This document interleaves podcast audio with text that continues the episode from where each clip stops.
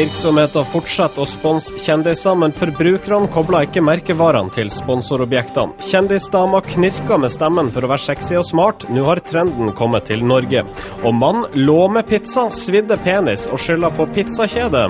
I dag snakker vi om nettroll. Dette mer til i uh, dagens utgave av Norske informasjonsrådgivere. En podkast for deg som er over snittet, under snittet eller akkurat på snittet opptatt av uh, kommunikasjon i alle sine former. Marius Staulensen fra Bodø og mine venner i Oslo, de er klar, de. Sindre Holme og Marius Torkelsen. Sindre, hvordan går det med deg? Det går kjempebra. Jeg har vært veldig opptatt av den herre Einar Gelius i det siste. Oh. Vi ble jo kjent med Einar Gelius, særlig som jovial prest i Vålerenga kirke, men etter hvert som litt sånn grisete prest som var opptatt av sex i Bibelen. Han mista jo jobben, og de siste ukene så har det så har det stått enormt mange saker om uh, Anagelius som kanskje får seg ny jobb et sted. Ja, for han, eh, han har uh, forsøkt nå lenge å få seg jobb her nordpå. Ja, han prøvde til og med menigheten samla inn penger. Mange hundre tusen. 700 000 samla de inn for å få han til Ibestad i Sør-Troms. Mm. Men han har fått seg jobb i Lom, som er like opp ved der han er Like opp ved Vågå, som der han er ordføreren bor, og like opp ved Uh, ja, oppe i Gudbrandsdalen. Og jeg, jeg syns det var litt fascinerende at uh, eh, VG liksom har overskrift, har sånn toppsag Einar Gelius har fått seg jobb. Altså, jeg tenker, er, Han er utdanna prest. Uh, han har fått seg jobb som prest. Mm. hva er liksom sensasjonen her? Det var ledige stillinger i Den norske kirke. Mm. Han trengte en av de ledige stillingene. noen tenkte la oss putte en som trenger ledig stilling, i en ledig stilling en har jeg lyst til å få seg jobb. På en måte Det som du ikke skriver, er sånn 'Satan har fått seg jobb i kirken'. Det er litt den derre det, det, kunne de på en måte skrevet, da. Ellevill like... sexprest med ja, ny stilling i Lom. Omdiskutert sexprest for jobb like overfor skandalebygd. Ja, ikke sant. Kåtpeis predikerer sølibat i uh, pietistisk bygd. Da går vi til uh, Marius Torkelsen, som allerede har brutt inn i samtalen et par ganger. Torkels, uh, hvordan går det med deg? Det går bra. Nå har jeg vendt litt tilbake igjen til, uh, hva skal jeg si, til de levendes rekker. Etter å ha brukt ca. Ja, en uke på kun se House of Cards og, og, og jobbe litt. Um, og jeg var jo litt sjokkert på slutten av sesong to av House, of Cards når det viste at han hadde vært død hele tiden, han hovedpersonen. Han var et spøkelse. Ja. Uh, eller det var i hvert fall en, en, eller annen ting jeg så hvor det skjedde. Ja. Uh, men det, det som uh, er litt fint med House of Cards, er at kanskje endelig så har, har vi et sånn konkret eksempel på at big data det er noe som kan være gøy for meg og deg. Det er noe som ungdommen også liker. fordi jeg, jeg leste litt om hvordan Netflix kom fram til det at de skulle lage House of Cards. Uh, og det var egentlig ganske enkelt, for de så på liksom, brukermønstrene på siden sin. Og så så, så de det at uh, folk uh, liker den gamle britiske versjonen av House of Cards. Folk liker Kevin Spacey, og folk liker David Fincher, som da lagde Fight Club og The Social Network og sånn. Og så bare tok de de tre, tre tingene, blanda det sammen i en sånn herlig sånn Netflix-cocktail big data-glass, rista godt. Og ut kom House of Cards med Kevin Spacey i hovedrollen, regissert av David Fincher. Og det ble jo bra som bare det. Ja. Nå har vi sørga for uh, redaksjonelle omtaler av Netflix verdt millioner av kroner. Mm. Ja. Innledningsvis i NIR. Vi har ikke engang starta. Det gjør vi nå. Uh, vi sier hjertelig velkommen vi til NIR episode 61. Norske informasjonsrådgivere.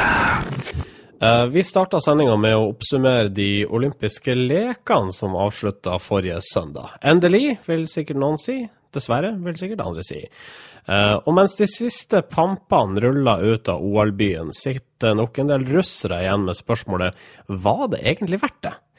Eh, for både Sotsji, Russland og IOC har fått massiv kritikk både før og under lekene. Brudd på menneskerettigheter, umenneskelige IOC-politikere, dårlige fasiliteter og farlige løyper, for å nevne noe. Eh, de to første er redaksjonelt mest interessante, kanskje, men jeg vil starte med de to siste, gutta. Farlige løyper og dårlige fasiliteter. Ja, det, det, var jo uh, sånn i dagene og ukene, eller uka før at OL begynte, så flomma jo Twitter over av bilder fra journalister og utøvere som hadde ankommet hotellene sine bare for å finne ut at uh, lobbyen hadde ikke gulv. Uh, rommet hadde ikke vegg, uh, og vasken hadde ikke vann. Uh, hotellene i Sotsji var i beste fall halvferdig, om ikke engang påbegynt i noen tilfeller. og det viser seg at veldig mye av den infrastrukturen som skulle være på plass, den var, det var sånn siste ukes hastearbeid før, før lekene tok til. Så allerede der så fikk jo altså arrangørene mye tyn, eh, og mye sånn de ble hengt ut på en måte som fikk dem til å se litt sånn amatørmessig ut og litt sånn eh, stakkarslig ut. Og det begynte jo ikke så bra. Og så går vi til dette med farlige løyper. Når ble profesjonelle idrettsutøvere redd for løyper? Nei, de ble jo ikke det før Du har ikke hørt noe særlig om det før Sotsji. Eh, snowboarderne var jo mange av de kritiske og mente at eh, halfpipen her kan ta liv, liksom. Eh, det var vel eh, det var én ting, og alpint også. Det var ganske drøye løyper, ble det påstått. Det var Bodie Miller som eh, var eh, redd, egentlig, for at, hva slags konsekvenser løypene kunne få. Um, you know uh, what uh, we say about uh, the body here in Russia? He's uh, what you say uh, a sissy. That's a sissy. He's a sissy, that Bodie Miller. Miller, um, excuse me. He's American, he's a yes. sissy. He sissy American. Men uh, det som fikk mest uh, oppmerksomhet i avisene i forkant av dette OL-et her, det er jo da menneskerettighetene i Russland, hvilket vi har diskutert tidligere i denne podkasten her, da særlig med tanke på homolovgivninga i Russland. Og så da til disse umenneskelige OC-politikerne. Det ble jo mye bråk etter denne sørgebåndsmarkeringa til de norske landslagsjentene. Og vi skal gjøre en slags analyse på hva det egentlig er verdt. Ja, det kan du si. Altså det, I det her olympiske charteret så står det bl.a. at OL skal bidra til harmoni i samfunnet, eh, og at eh, IOC skal jobbe for fredelig sameksistens mellom nasjoner. Eh, og det, det, er mye som tyder på at de ikke har jobba så veldig hardt for de to tinga der, da, i forkant av OL. Jeg tror det at IOC har bytta ut harmoni med cash, og sameksistens med cash, og nasjoner med cash, eh, osv. Du kan jo fortsette å måtte gå gjennom det charteret og bytte ut alle ord mm. som har en verdiladning, med da bare en annen med en monetær verdi.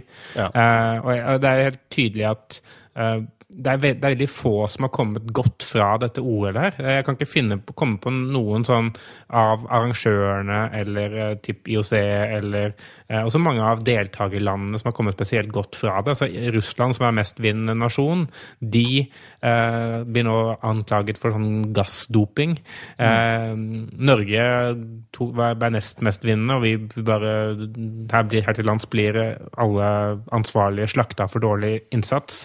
Uh, Tyskland kommer høyt opp. De uh, har sine egne ting å stri med nå i etterkant, og opptil flere nasjoner har blitt dopingtatt. Så jeg tror egentlig vi bare kan glemme OL, stryke det fra historien og si at uh, 2014, Sotsji, det skjedde ikke. Ja, riktig. Bør uh, OL arrangeres i Oslo på et eller annet tidspunkt? Det er i så fall en gavepakke til IOC, for da får de et demokratisk kjernesunt land ja. til å arrangere det. Og det ja. Altså, så det for legge, IOC sin del, ja. Det å legge OL til Oslo vil være en, eh, en omdømmemessig gevinst for IOC. Så de bør egentlig subsidiere et OL til Oslo eh, i stor grad. ja. Kan de ikke gi oss 300 milliarder, og så bruker vi 30 av det? Og så går resten inn på pensjonsfondet. ja, det er en kjempeidé. Uh, vi må ta og sette en strek her. Tommel opp eller tommel ned for OL 2014? Ja, tommel ned. Tommel ned. Norske informasjonsrådgivere. Da skal vi snakke om eh, sponsoravtaler av typen private sponsorer, som at Coop sponsa The Thug, og at vannmerket Isklar sponsa Therese Johaug. For Hugov har gjennomført en undersøkelse for kampanje som viser at de fleste nordmenn ikke klarer å koble sponsorobjektene til sponsorene. Altså, hvis du ser golfer Susann Pettersen, så tenker du ikke på BMW. Likevel fortsetter virksomhetene å sponse.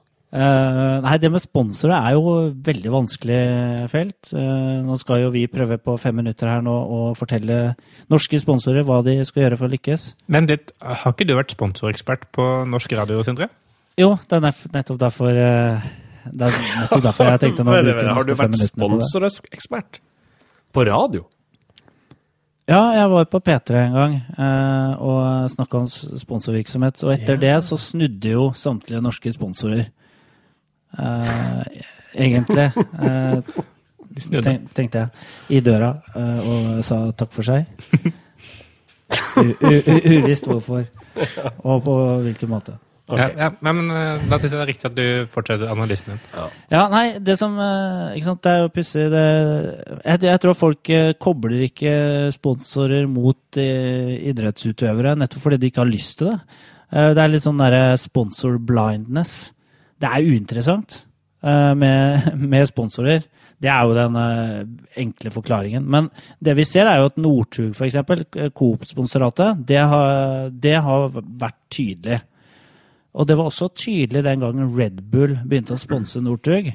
Uh, da fikk alle med seg, nettopp pga. alle kontroversene rundt sponsoratene. Mm. Så spørsmålet er liksom om kan du lykkes med sponsorat uten å være kontroversiell spons sponsor? Jeg syns jo det er to ting, da. Det ene, ene er det der med om eh, folk kjenner til hvem som sponser eller hva, eller hva som sponser hvem, alt ettersom. uh, som jo er litt interessant. Altså, grunnen til at mange vet at Coop sponser Petter Northug, er fordi det har vært så et sykt mye bråk rundt at Coop sponser Petter Northug. Uh, så den, den, kjøper jeg. Uh, men det som kanskje er minst like interessant, er hvis man hadde spurt folk hvilke felles verdier mener du sponsorobjektet og sponsoren har. Altså Hvis man spør eh, hvilke verdier mener du Petter Northug og Coop deler? Altså Hvorfor er det relevant for Coop å sponse Petter Northug? da? Eh, for den er nok litt lenger. Jeg tror det at hvis sponsorring skal ha en eller annen form for effekt, så er det viktig at det er en match. da. Sånn som når Red Bull Sport sponser Aksel Lund Svindal, så er det sannsynligvis noe som er relevant for den målgruppen som er opptatt av Red Bull og alpint. Så selv om det kun er 7% av befolkningen totalt sett som vet om det, så kan det hende at de 7% er veldig relevante. Uh, så det, det er spons, sponsing, og grunnen til at det kanskje ikke uh, er, så, er, så, lett å tallfeste, er at det ofte blir brukt som et HR-tiltak. Det handler veldig mye om kulturbygging internt. Man bruker gjerne utøvere som foredragsholdere og man, og man på en måte sam, det, er, det er på en måte et sånn samlingspunkt da, for merkevaren, eller de som jobber der. Så det er viktigere for de ansatte i Coop uh, at uh, Coop sponser Petter Northug, enn det er for uh, altså vi som står utafor og sier er fan av Petter Northug? Det, virker, det kan i hvert fall virke veldig samlende og skape stolthet internt. Jeg sier ikke at det er fornuftig bruk av pengene. Eh, det vet jeg ikke, men altså, veldig ofte så fungerer sponsoratet på den måten. Mm. At det er, en, det er, en, kultur og det er en stolthet internt for å, for å synes i den sammenhengen. Og det har med verdier å gjøre, som Marius er inne på. Mm. En av de eh, kuleste kommersielle casene jeg har hørt på sponsoring, er et, er et case fra, fra 90-tallet, hvor man kan snakke om liksom, strategisk bruk av sponsorobjekter.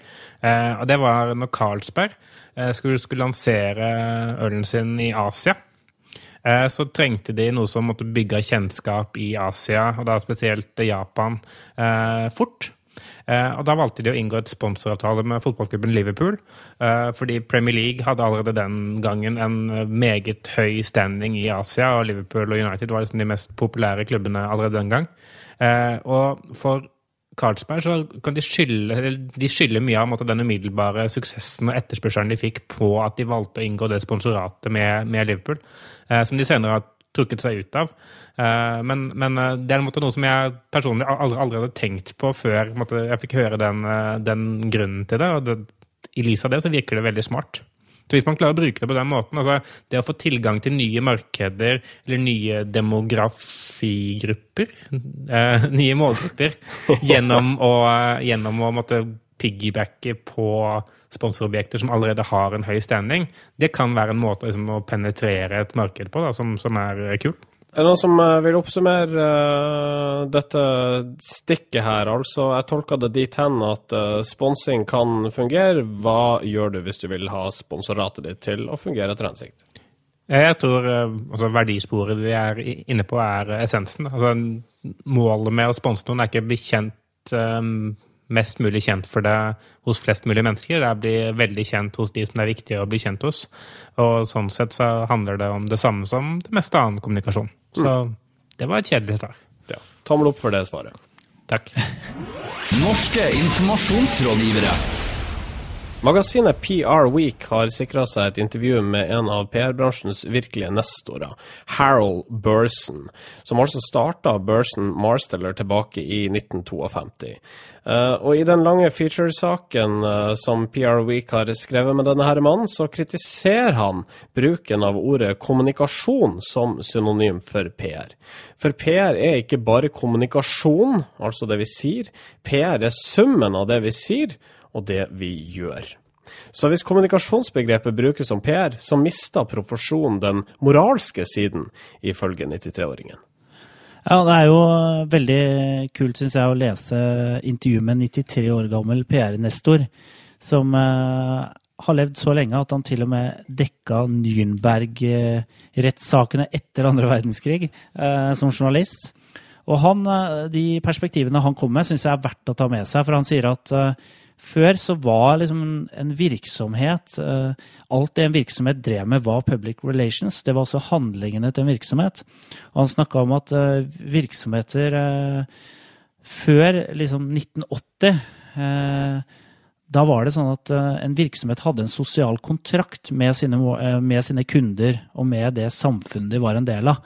Eh, som handla om mye mer enn å gi mest mulig profitt til aksjonærene. Han sier at på 80-tallet så, så, fikk fi, eh, finansrådgiverne, eller finansfolket, eh, for mye innflytelse over virksomhetene. Og da ble PR, handla PR mer om å skape synlighet og Og få litt presse? Ja, ikke sant? Jeg vet jo det at uh, det er spesielt én person, i hvert fall her til lands som eh, sikkert blir veldig glad av å lese dette intervjuet og av eventuell eh, en debatt som måtte oppstå i etterkant av det. Eh, det tror jeg er Peggy Brønn på, på BI. De av dere som er inkludert meg, som har måtte, hatt henne som foreleser, vet jo at dette er litt sånn i kjernen av det hun uh, kjemper for, tror jeg. Uh, det der med at uh, For det første, PR handler mer om mediedekning, og PR er egentlig en disiplin som står over både markedsføring og kommunikasjon og alt, fordi det handler om relasjoner til omverdenen i det aller videste forstand. Eh, så hun tror jeg sikkert gnir seg i hendene og, og, hopper fornøyd rundt omkring på kontoret sitt oppe i Nydalen eh, når Burson uttaler seg på denne måten. Ja, Det fikk meg til å tenke på en gang eh, Nå høres jeg veldig gammel ut. Jeg er nesten like gammel som Harold Burson her. Jeg er ikke så gammel. Men jeg intervjua en gang Viktor Nordmann, som var næringsminister en gang på 90-tallet. I en høyreregjering. Jeg intervjua han en gang, og han, han sa at før så, så hadde virksomheter et en sosial samvittighet. da. Eh, F.eks. når Hydro eh, etablerte seg i Porsgrunn eller Sunndalsøra f.eks., så, så ble det kalt for liksom var, De var en sånn company town. Altså, de hadde en eh, forpliktelse overfor lokalsamfunnet som, som gikk utover det å skape arbeidsplasser.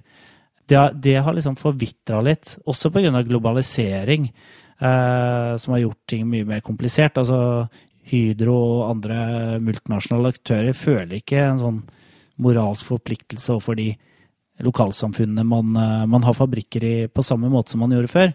Uh, og Det er jo også noe som Harold Burson snakker om. da, At PR handler om alle de relasjonene du har, uh, en virksomhet har, og hvordan du forvalter de.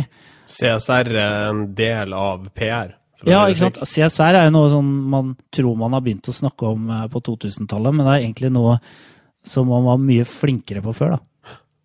Hvem er det som har skyld i at eh, PR-begrepet har blitt utvanna i den grad vi i dag snakker om uh, kommunikasjon og ikke public relations?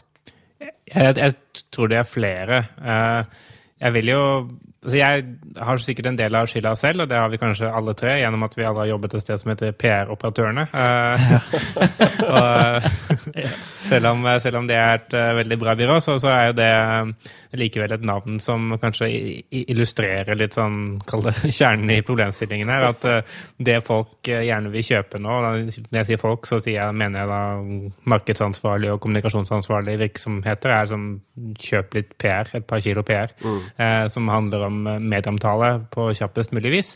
Og så har man bare fortsatt å bruke det begrepet her, her til lands, fordi det er, det er, det letteste. Hvis man begynner sånn når noen sier kan jeg få et PR, så ja, du mener du skal ha litt eh, relasjoner til omverdenen? Ja, la, la, meg begynne å kartlegge alle stake, stakeholderne dine nå med en gang. Da sier de, rart på deg og sier nei. VG, sånn avis. Og så, og så, bare sier man ja og nikker, for det er det letteste. på en måte. Mm, mm. Minste motstands vei, det, med andre ord minste motstands vei, istedenfor å si sånn ah, du mener medieomtale? Ja, medieomtale er bare én del av PR, vet du. Mm, da bør du ringe medieomtaleoperatørene. ja, altså DNB er jo en virksomhet som, eh, som, har organisert seg på en måte som Harold Burson eh, om et par år bare vil vri seg i graven eh, med tanke på. Nei da, det var sykt sagt. Håper han lever lenge, for han er en klok mann og mye å bidra med fortsatt, tydeligvis. Men DNB har jo, har jo, organisert seg sånn med én avdeling hvor PR er underlagt markedsavdelingen. Og jeg vet jo at Peggy Brønn var veldig motstander av den, måte, den måten at de organiserte seg på den måten. Uh, og det er, det er, kanskje et godt eksempel på et bilde på egentlig hva PR har blitt. da. Ikke sant? Og så har du alle rådgiverne som snakker om uh, Skal vi danse og ja, og sånn som oss, da. Som har, uh, drar det ned i søla, egentlig, hele faget. Det er bra vi ikke heter norske PR-rådgivere. Nei. vi er i hvert fall ærlige. Vi driver kun med en slags informasjon. Men, men jeg syns jo eh, det, det, er veldig interessant at han uh, Burson sier det, for det er en annen gammel uh, Nestor-type som har vært ute med noe lignende. Og det er Philip Kotler, som er en, en, sånn markedsføringsnestor. Han, dette, dette, høres litt ut som en spøk, men han, han, ga ut en bok i fjor som heter Marketing 3.0. og Marketing 3.0 det handler om, eller tittelen på den boka er From Product to, to Customers to Human Spirit. og det han også mener er Marketing 3.0, er nettopp dette sånn eh, Kall det det å erkjenne at man er en del av en, en omverden som, som, virksomhet, og det å Kall det maksimere profitt eh, på kort sikt kan være en veldig lønnsom strategi, men på lang sikt, altså hvis man har en langsiktig marketingstrategi, så bør man også tenke på at det faktisk skal være noe omverden å leve i når man har maksimert all profitten. Børsen mente at eh, PR det var noe som administrerende direktør skulle eie. Det, handlet, det var egentlig CEO-en som eh, drev med det, liksom. Mm. Men nå er det sånn, nå snakker man om eh, ja, hvis, man, eh, hvis PR-rådgiveren skal få innpass i styrerommene, så, så, må han kunne noe med økonomi. Ja. Så det er liksom Ja, PR har blitt mindre viktig, det kan man godt si. Ja. De fleste kjenner til begrepet nettroll, men for å oppsummere det kort, dette er altså de her drittungene som spyr ut eder, eder og av og til galle, i hvilket enn fora de slipper til i. Og vi kjenner dem gjerne fra kommentarfeltene til en del nettaviser. Og for virksomheter og merkevarer så kan disse trollene her by på problemer, for hvordan skal man egentlig håndtere dem, der de lir av seg ukvemsord og usakligheter på Facebook-sida eller på Twitter? Pizzakjeda Domino's fikk denne uka oppmerksomhet for en spesifikk Twitter-samtale med en kunde som ifølge seg sjøl hadde funnet en noe utradisjonell måte å bruke pizzaen sin på. Han hadde forsøkt å ligge med den. Og nå hadde han brent sine edlere deler, og dette her er Dominos skyld. Det skrev da denne brukeren til Dominos sin Twitter-konto. Ja, eh, han hadde valgt en liggebasert eh, tilnærming til å konsumere pizza, eh, og hadde fått eh, en eh, brent eh, penis i resultat. Mm. så han skrev da til Domino's Hello. I just made love to one of your pizzas and burnt my penis severely. severely. Please advise on your terms for a refund. Thanks.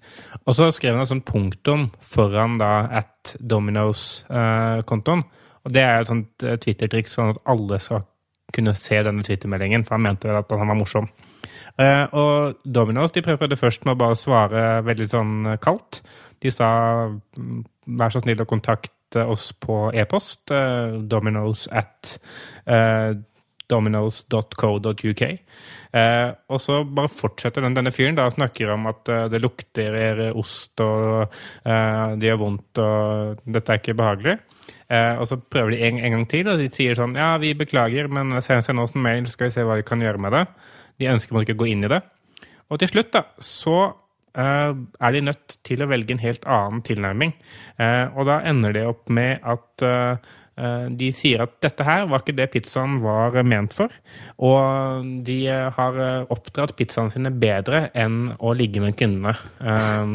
Og da ble det til slutt stille. Ja, Det tradisjonelle humorgrepet ble altså eh, siste mulighet, og det som da til slutt ble løsninga for Domino's i møte med en kunde som i hvert fall trodde han var noe morsomt. Ja, Han trodde det, for han fikk jo enormt mange retweets på de her uh meldingene sine. 206 retweets når han påstår at pizzaen deres eh, prøver å gi han en uh, blowjob. Og gir tydelig uttrykk for at det er eh, noe head office må, må hjelpe ham med. Uh, og det er vel en sånn vurdering også Domino har gjort. Og klarer vi å svare denne her? Er det en vits i å svare denne fyren? Uh, de håper jo i det lengste sant, at han slutter. Uh, ja, Men de svarer han jo hele tida. De hiver jo mer uh, peisved på bålet. Ja, det kan du godt si. Jeg tror det er litt sånn kanskje noen company policy, at man svarer uansett. da, Eller at man prøver liksom å, å være saklig så langt det er mulig. Hvis noen uh, påstår at uh, de har ligget med pizzaen, og at det er de skyld som pizzaprodusent, og uh, advice på at han nå har svidd penisen sin, hvor saklig kan man egentlig ta det her? Nei, men det, det, er det som jeg synes er interessant med denne saken. Én ting er at de endte opp med å, å måtte løse det humoristisk. uh, men eh, det som jeg mener det kanskje bør komme noen form for retningslinje på, eller noen bør tenke litt mer på, er det der, hvordan skal man egentlig håndtere nettroll. Da? Fordi nå er vi i en eh, situasjon hvor de fleste sånn kommersielle virksomheter har en eller annen sosiale medietilstedeværelse, om det er på Twitter eller Facebook eller hvor som helst. Eh, og alle blir utsatt for typiske nettroll hvis man er av en viss størrelse. Så er det det å prøve å håndtere det seriøst eh, og måtte vise da at eh, nettrollene er teite. Eller skal man måtte være med på leken og gi dem den oppmerksomheten de higer? Eller skal man bare ignorere det og la det falle. Jeg, jeg, jeg tror grunnen til at han fortsetter å, å tvitre den herre fyren som ligger med pizzaen, da, det er at han opp, opplever Domino som er ganske sånn kald med, med, å komme med ganske sånn kalde svar. Ganske sånn kalkulerte standardsvar. Og han da prøver å fremprovosere en eller annen Han prøver jo her å fremprovisere en eller annen menneskelig reaksjon, da. Og den får han jo også. Men det er faktisk en reaksjon med humor, og da er på en måte saken lagt død. Vi har jo snakka om det her tidligere med at uh, når en, uh, en, en, person eller en virksomhet engasjerer seg i kommentarfeltet, som handler om en sak der virksomheten er omtalt, f.eks., så får det med mer gemyttlig tone, mer saklig tone. Det blir litt mer balansert, og det blir litt mer sånn normalisert tone når man tar disse trolla litt på alvor. Man tar det ikke på alvor, men man viser at 'hei, jeg hører deg', liksom. Jeg, hører, jeg ser hva du prøver på. Og da er de fornøyde, veldig ofte. Jeg, jeg, jeg, tror det er et veldig godt poeng. Altså det der med at det er veldig lett å skrive sånne type ting til eh, Twitter-kontoer med et virksomhetsnavn og en, eh, en, logo i profilbildet. Fordi man tenker ikke på at det er noen mennesker som faktisk sitter på andre siden og mottar det og svarer det og blir påvirket av det. Og Derfor kan man måtte lire av seg banneord eller prøve å være morsom i dette tilfellet eller eh, skrive kjipe ting. Eh, men jeg tror Sindre har helt rett. altså Når man faktisk da viser at her er det et menneske på andre siden som blir påvirket av dette, så, så kanskje man eh, klarer å ta ting litt ved roten der. Mm. Så uh, Domino's gjorde dette tilfellet her uh, riktig i å bruke Eller altså for det første å svare dette vedkommende for til sist å punktere hele diskusjonen, hvis man i det hele tatt kan kalle det det, med humor. Ja, de ble med på notene. Altså de, de, de, de svarte på en måte litt i samme gate, da. I samme univers som uh, som han eh, Ja. Eh, som ble irritert på det. Eller eh, kom med de absurde anklagene. Så, så, da var det på en måte Ja, ok, da var det en historie som hadde en start og en slutt. Mm. Ferdig med det, liksom. Apropos nettroll, vi får, eller jeg får hive inn en anbefaling helt til slutt. Følg kontoen til James Blunt. Han er antagelig verdens beste til å håndtere nettroll. Dere husker James Blunt uh, med si låt I'm beautiful! Ja, der er vi. You're beautiful! ja.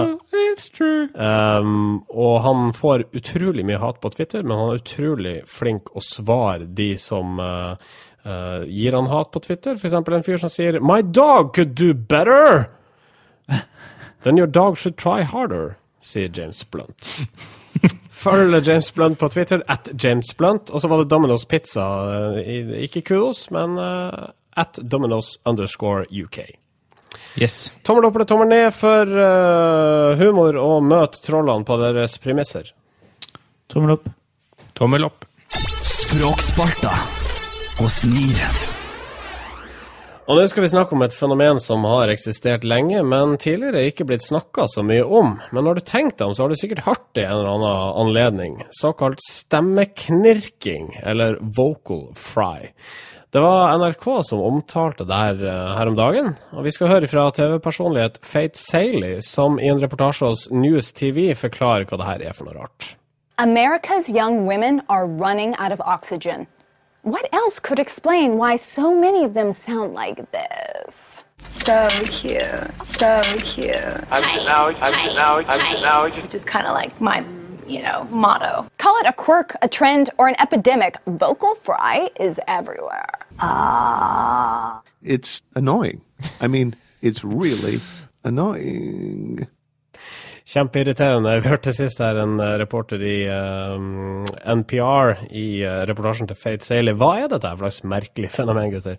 Ja, dette stammer jo fra fra Ja, altså fra Fra Ivo Caprinos sjuende far i huset. Der sa jo 'Snakk med faren min, han sitter oppå der'. Nei, det var vel kanskje ikke det, men det minner litt om det. Men har vel fått en annen betydning etter hvert. Ja. Stemmeknirk er jo blitt et uh, verktøy for å vise at uh, du er minst like laidback, minst uh, like kul og har minst like høy status som Kim Kardashian.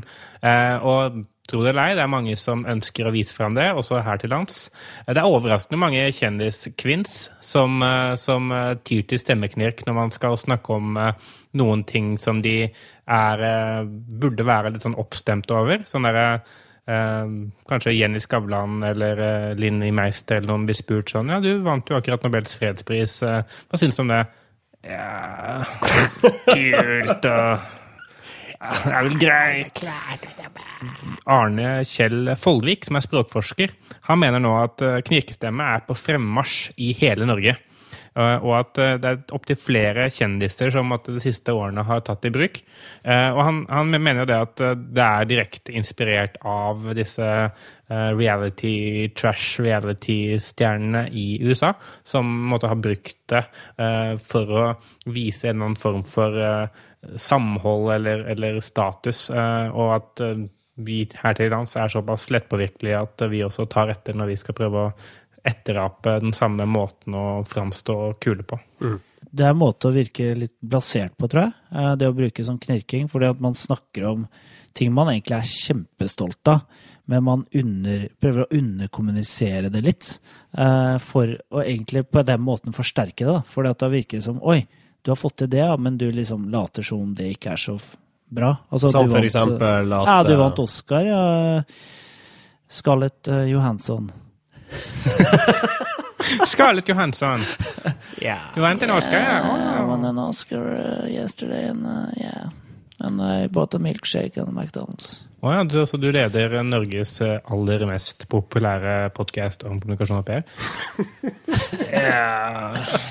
Du klarer ikke å knirke engang. Du, yeah. du sovner nesten, yeah. Torgesen. Ja, jeg gjør vel det.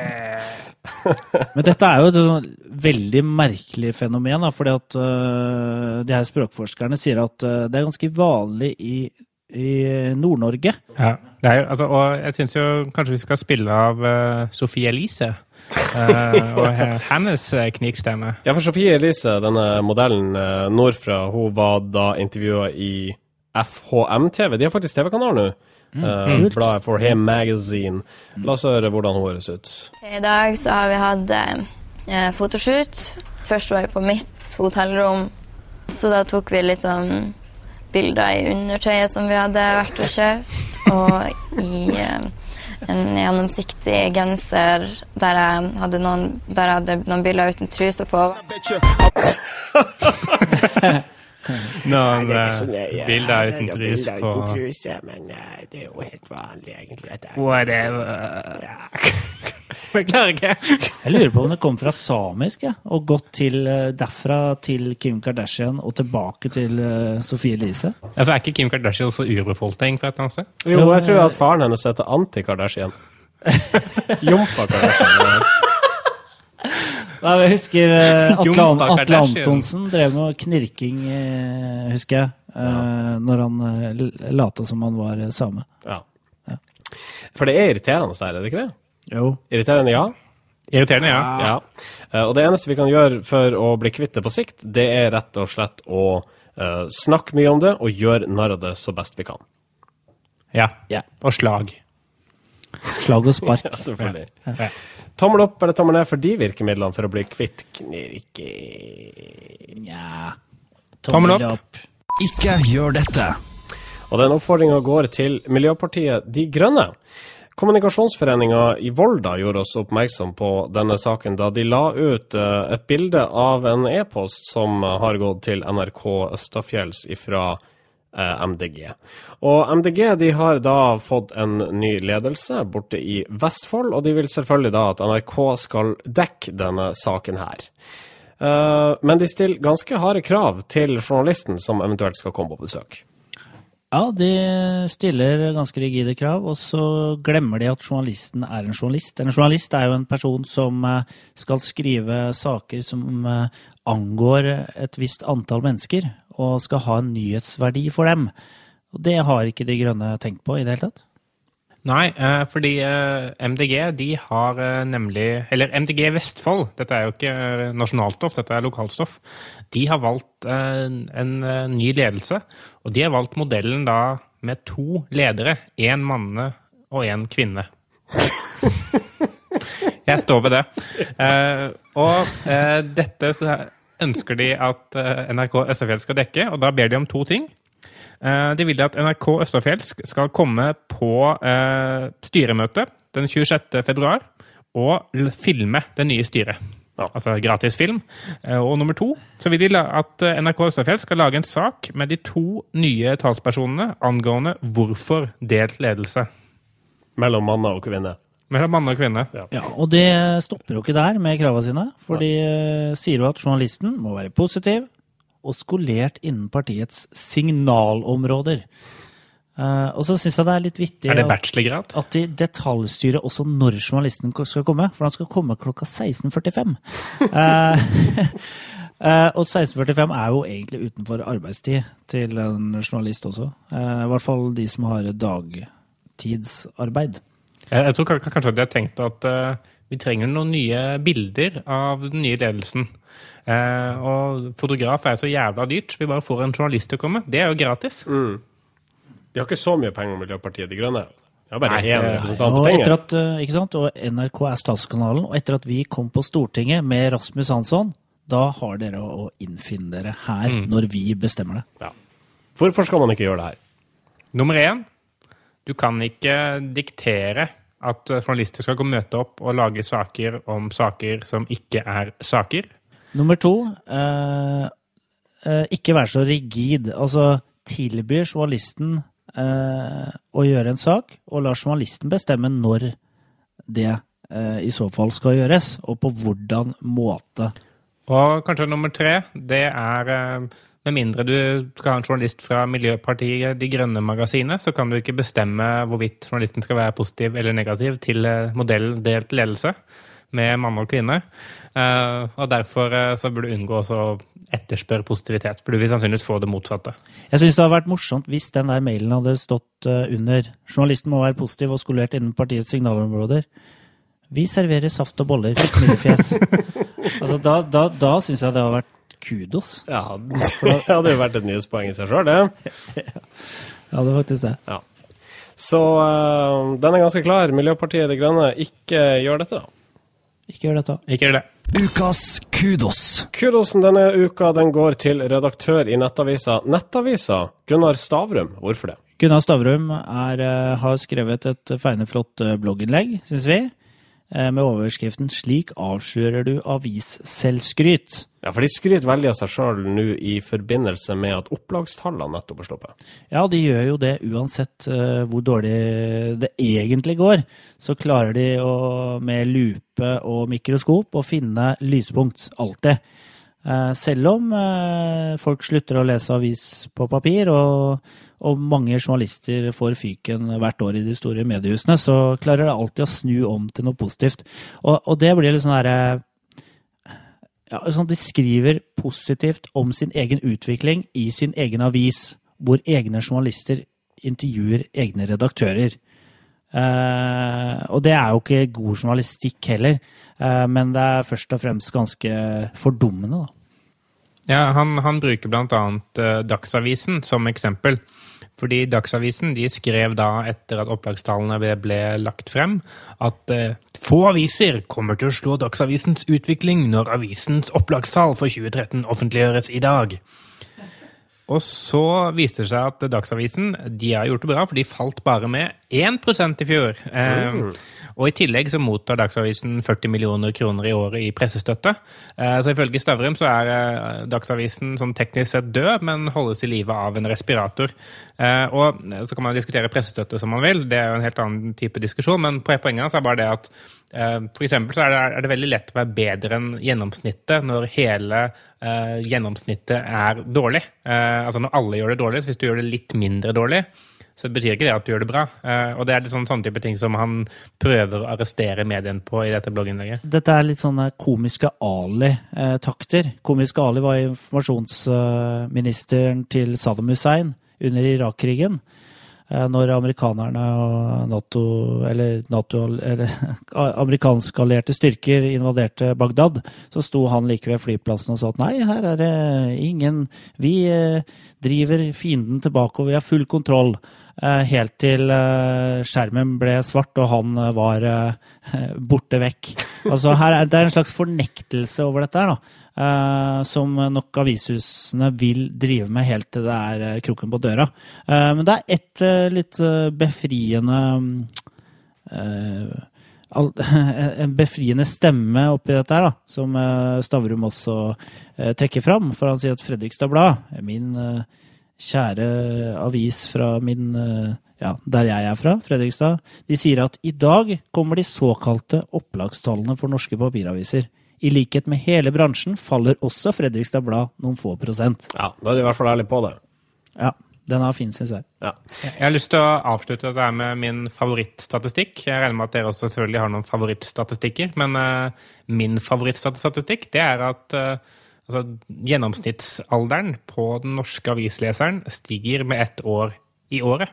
Ja. Som betyr det at det kommer ingen nye til, og folk dør egentlig bare. Kudosen går altså til eh, Gunnar Stavrum, som har skrevet en, eh, et treffende blogginnlegg om eh, norske avisers sjølskryt. Stavrum.blogg.no. Og så blir det en sidekudos da til Fredrikstad Blad, som blant de mange er en av de som faktisk er ærlige om at dette her er nok et år med nedgang for norske papiraviser. Norske informasjonsrådgivere. Så dere for øvrig dagens, eller kanskje ukas aller morsomste sak Nei. fra Sverige? Nei.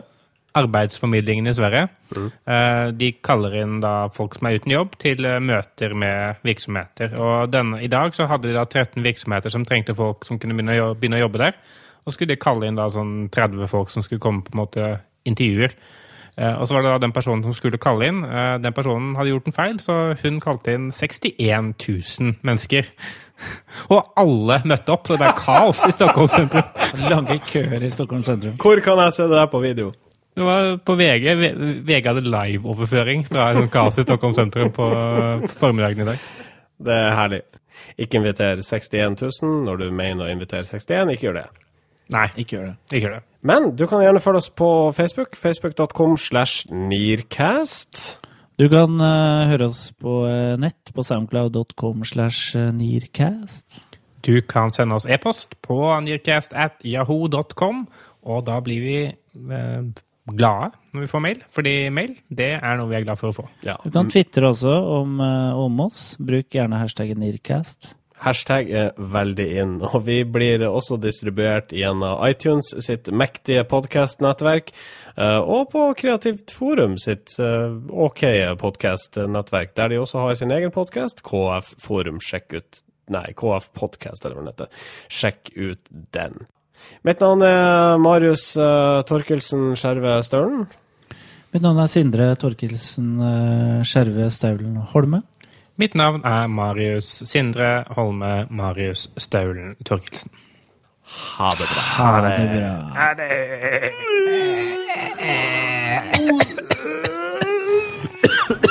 Norske informasjonsrådgivere.